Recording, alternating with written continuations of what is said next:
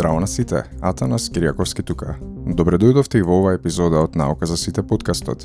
Ако сте слушнале досега барем една епизода, ако сте слушнале барем еден разговор со некој од нашите паметни гости, верувам ќе се служите дека науката има моќ да го види невидливото, односно да ги открие и разоткрие убавините на реалноста.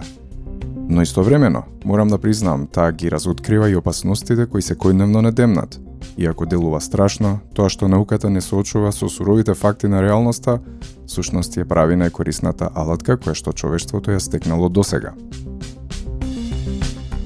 Ова алатка во раците на денешната гостинка, Милка Лјончева, која е докторант и млад истражувач на Институтот Јожев Стефан од Лјубљана, Словенија, на Уделот за науки за животната средина, открива многу за огромниот број на органски загадувачи присутни во нашата средина и нашето тело. Например, дали знаевте дека конзервансите кои се додаваат во голем дел од козметичките производи, всушност содржат субстанци кои имаат токсичен ефект на долг рок, како за нас, така и за останатата флора и фауна, откако ќе завршат во отпадните води.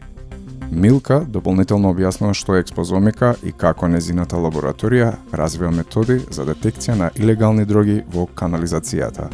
Во разговорот го дискутираме и загадувањето на реките и Охридското езеро, но и проблемот со пречистителните станици во Македонија, кои се далеку од потребното ниво на функционалност.